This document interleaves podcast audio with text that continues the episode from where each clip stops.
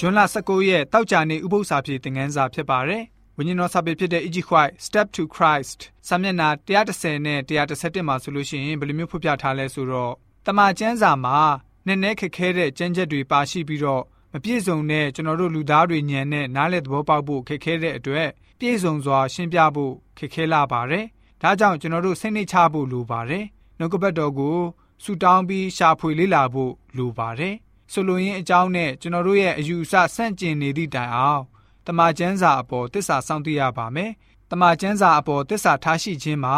ကျမ်းစာကိုလေးစားယူတည်စွာနဲ့ဟိုကျန်းချက်ကဒီကျန်းချက်ကိုမှားကြောင်ထောက်ပြတဲ့စတဲ့မှားယွင်းတဲ့အတွေးမျိုးအတိတ်ပဲအမှန်ကိုလွဲချော်သွားစေတဲ့အဆိုမျိုးမလုပ်ဆောင်ကြပါနဲ့နှုတ်ကပတ်တော်ကိုဆူတောင်းခြင်းယူတည်လေးစားခြင်းမပါဘဲဖွင့်ဖက်ကြည့်ရှုလေ့လာမယ်ဆိုရင်ပြီးတော့အတွေးခေါ်တွေဟာဖျားရှင်ရဲ့အလိုတော်နဲ့ မကိုက်ညီဘူးဆိုရင် ပြီးတော့ဖျားရှင်ရဲ့သဘောတော်နဲ့မညီဘူးဆိုလို့ရှိရင်ဖတ်ရှုသူရဲ့အတွေးခေါ်ထင်မြင်ချက်တွေဟာတန်တရားပွားပြီးတိမ်တွေဖုံးသွားပါလိမ့်မယ်တမန်ကျမ်းစာကိုလေ့လာဖတ်ရှုတဲ့နေရာမှာဝေဖန်မှုတွေကိုသာပို့ပြီးတော့ကြီးထွားသွားစေမှာဖြစ်ပါတယ်။ယန္တုစာတန်ကြီးဟာလူရဲ့စိတ်ကိုထိန်းချုပ်ဖို့ကြိုးစားမြဲဖြစ်ပါတယ်။ဖမှန်မကန်တဲ့အ내အတိတ်ပဲမျိုးမပြည့်မစုံတဲ့အတိတ်ပဲဖော်ပြခြင်းမျိုးကိုအစဉ်ပြုဖို့မြောက်ထိုးပင့်ကိုလမ်းလွဲပေးပါတယ်။ ဖျားရှင်ရဲ့အကြံတော်နဲ့တဟဇာတမမျှတဲ့လူတွေရဲ့နှုတ်ကပတ်တော်အပေါ်ရှာဖွေဖတ်ရှုခြင်းအမှုဟာအမားတစ်ခုရဲ့အပေါ်မှီနေပြီးတော့နှုတ်ကပတ်တော်ကိုနားလည်ဖို့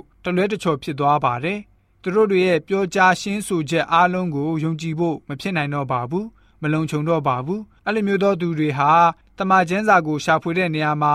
ဝိညာဉ်သဘောဆောင်ခြင်းမရှိဘဲနဲ့အားနည်းချက်ကိုသာထောက်ပြရှာဖွေလိုတဲ့သူတွေဖြစ်ပါတယ်။ ချိနဲ့တဲ့အမျော်အမြင်နဲ့သာတန်တရားစိတ်မယုံတင်ငါစိတ်တွေနဲ့ရိုးသားဖြောင်ပြူးနေတဲ့အရာကိုတောင်ဗျမ်းပြန်ပြန်ပြီးတော့ပြုလုပ်ကြတာကိုတွေ့မြင်ရပါလိမ့်မယ်ဆိုပြီးတော့ဝိညာဉ်တော်စာပေဖော်ပြချက်အဖြစ်တောက်ကြနေဥပု္ပ္ပစာဖြေသင်ခန်းစာကဖော်ပြထားပါတယ်။ဥပု္ပ္ပစာဖြေသင်ခန်းစာစနစ်ကတော့ဒီလောက်ပဲဖြစ်ပါတယ်။ဥပု္ပ္ပစာဖြေအစီအစဉ်တစ်ဆက်သူကျွန်တော်ဆက်ဆောက်ပါ။ကျမ်းနာတော်သူရောက်စီတိုင်းဝိညာဉ်ခွန်အားနဲ့ပြေဝကြပါစေ။ကျေးဇူးတင်ပါတယ်။